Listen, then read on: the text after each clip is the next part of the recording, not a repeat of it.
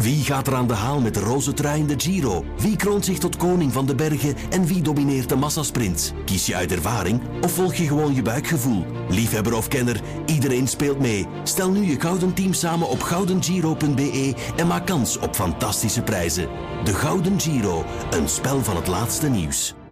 Elke dinsdag hoor je Lievenscheiren in de Q-ochtendshow bij Maarten en Dorothee. Hij kent alle antwoorden op de vaak complexe waarom-vragen die kinderen stellen. Waarom? Daarom. Dag lieve Scherre. Een zeer goedemorgen. Goedemorgen. Hallo, hoe was het Nerdland Festival? Ah, heerlijk natuurlijk. Het grootste nerdfeestje van het jaar. En volgend jaar nog eens. Ja, sowieso. Ja, Nog eens? Ja, ja, ja, daar gaan we voor. Ah, heel leuk. Wie het gemist heeft, volgend jaar dus een nieuwe kans. Yes. Eh, het is eh, de verjaardag van eh, een collega van jou. Aha. Eh, nog eens, onlangs was het Erik van Looy, die je ook goed kent. En nu is het Matthias Koppens. Hoera! Ah, dat is goed. Ik zal hem verjaardagswensen sturen. Dat is goed. Ja. die ken je van de code van Koppens. Ja, natuurlijk. Ja. Matthias Koppes. Hoe oud wordt hij? Weten we dat, Matthias Koppes? Ja, weten, weten we dat? Ja, niet, 40 niet, something zeker? niet, niet uit mijn hoofd. Allee, spelletje. Hoe oud wordt Matthias Koppens vandaag? 40 something. Gokje? 41. Uh, Ik ga voor 42 dan. Eh, hij wordt... Even checken... 44. Ah, Oké, oké. ziet er jonger uit. Hè? voilà. Goed. Lieven, vraag deze week komt van Kaat en Floor, 6 en 10 jaar uit Schendelbeke. Schendelbeke, waar ligt dat? Prachtige naam. Nee, ik weet het niet. Allee, ik zal het opzoeken. In welke provincie gokken we? Google vrouw, ben je daar? Eh, ja, Oost-Vlaanderen. eh, lieve, in welke provincie? Precies. Schendelbeke? Ja, Het, eh, Limburg. Oost-Vlaanderen, deelgemeente van Gerardsbergen. Allee. Dan kunnen we daar nu eindelijk over gaan tot Allemaal de naar. Schendelbeke. Ja, hier is de vraag. Dag lieve Scheire, waarom schuift mijn verjaardag elk jaar een dagje op? Wat, wat een prachtige vraag. Ik dacht eerst van, verjaart hij dan zo op 13 maart en volgend jaar op 14 maart? Het jaar erop op Nee, 15 dat bedoelt ze niet. Of die ouders maken en dat wijs? Of Wat bedoelt ze dan? Ah, wel, is Nee. op maandag en dan op dinsdag. Ja. Ah, Het gaat op maandag, het jaar erop op dinsdag en dan ja, op woensdag. ja, ja, ja. Goeie vraag. Eh, inderdaad, eh, kindervragen. Hè. Altijd goede vragen met een antwoord dat ons 2000 jaar terug in de geschiedenis brengt. Yes. Waarom is dat nu dat dat telkens één weekdagje opschuift? Ja, een jaar is een toertje van de aarde rond de zon.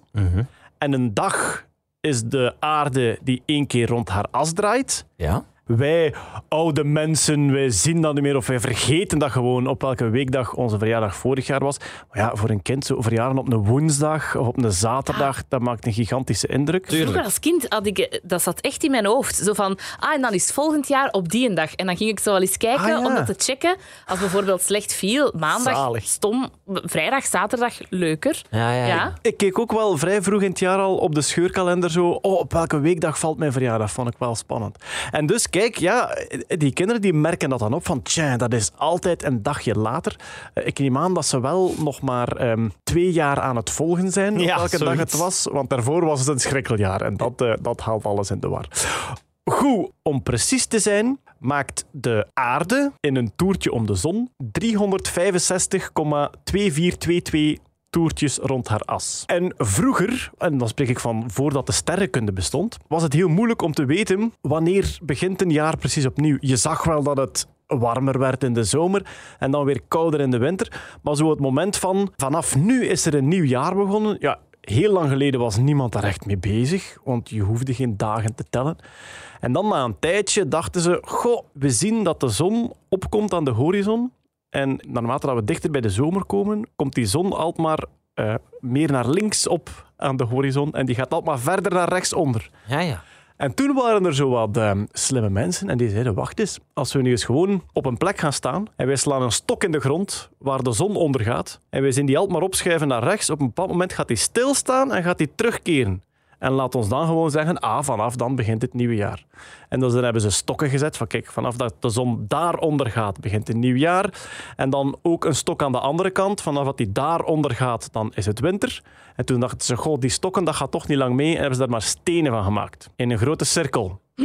En een van die cirkels heet... Dingen, stone... eh, Stonehenge. Ja, ja, ja. dus je zet gewoon een steen, maar kijk, daar gaat de zon onder. Dan waren ze nog niet echt dagen aan het tellen. En dan na een tijdje dachten ze, ah tja, er zitten ongeveer 365 dagen in een jaar. Prachtig, laten we dat afronden tot 360.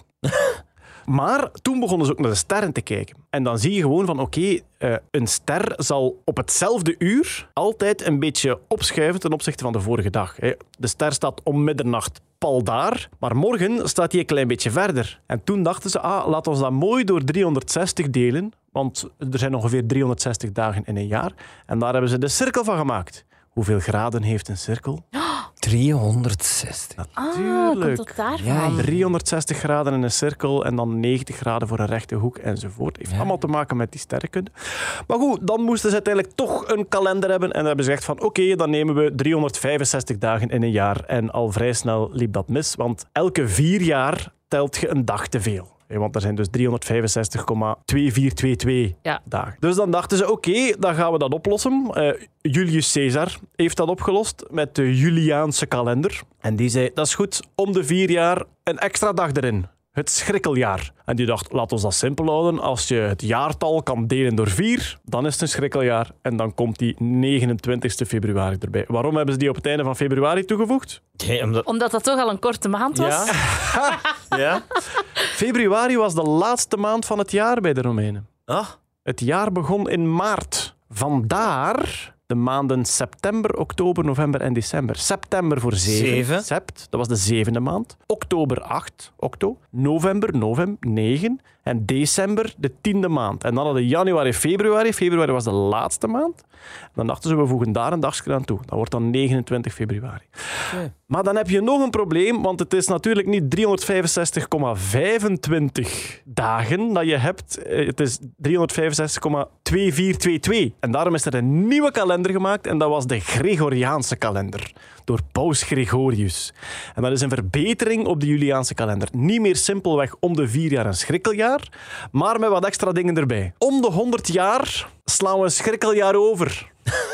Maar dan maakte weer een fout. En dan hebben ze beslist: oké, als de eerste twee cijfers van uw eeuwjaar deelbaar zijn door vier, dan is het toch een schrikkeljaar. Dus als je kijkt naar het jaar 2000 bijvoorbeeld. ja. In de Juliaanse kalender was dat een schrikkeljaar. Hè? Want eh, 2000 eindigt op 00, is deelbaar door 4. Ja. Dus schrikkeljaar.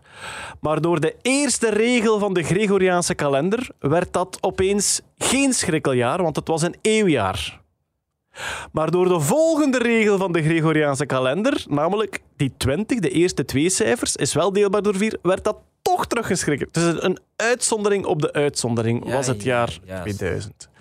Ehm, en dus de, de volgende keer zal dat gebeuren in het jaar 2400. Dus het jaar 2100 is geen schrikkeljaar. 2200 ook niet. 2300 ook niet. 2400 is wel weer een schrikkeljaar, omdat die ja, 24 deelbaar is door 4.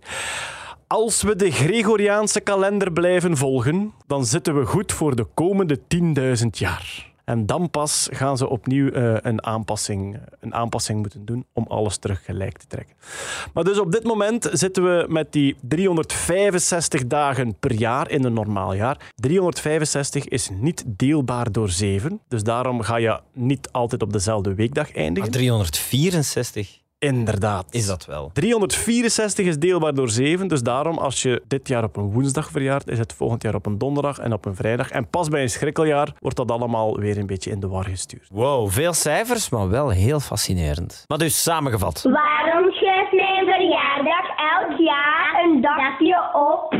Er zijn 365 dagen in een jaar, maar dat is niet deelbaar door 7. 364 is wel deelbaar door 7, dus als je dit jaar op een woensdag verjaart, zal dat volgend jaar een donderdag worden enzovoort, tot er een schrikkeljaar langskomt. En wanneer er wel en niet een schrikkeljaar is, daar zijn zeer ingewikkelde, maar zeer goede redenen voor in de Gregoriaanse kalender. Lieve Scheire, dankjewel. Tot volgende week. Zelfde weekdag of een dagje later? Zelfde weekdag, dinsdag. Tot dan, hè. Dit was Waarom Daarom. Luister ook naar de andere afleveringen van deze podcast. Maarten en Dorothee hoor je elke ochtend van 6 tot 10 bij Q-Music.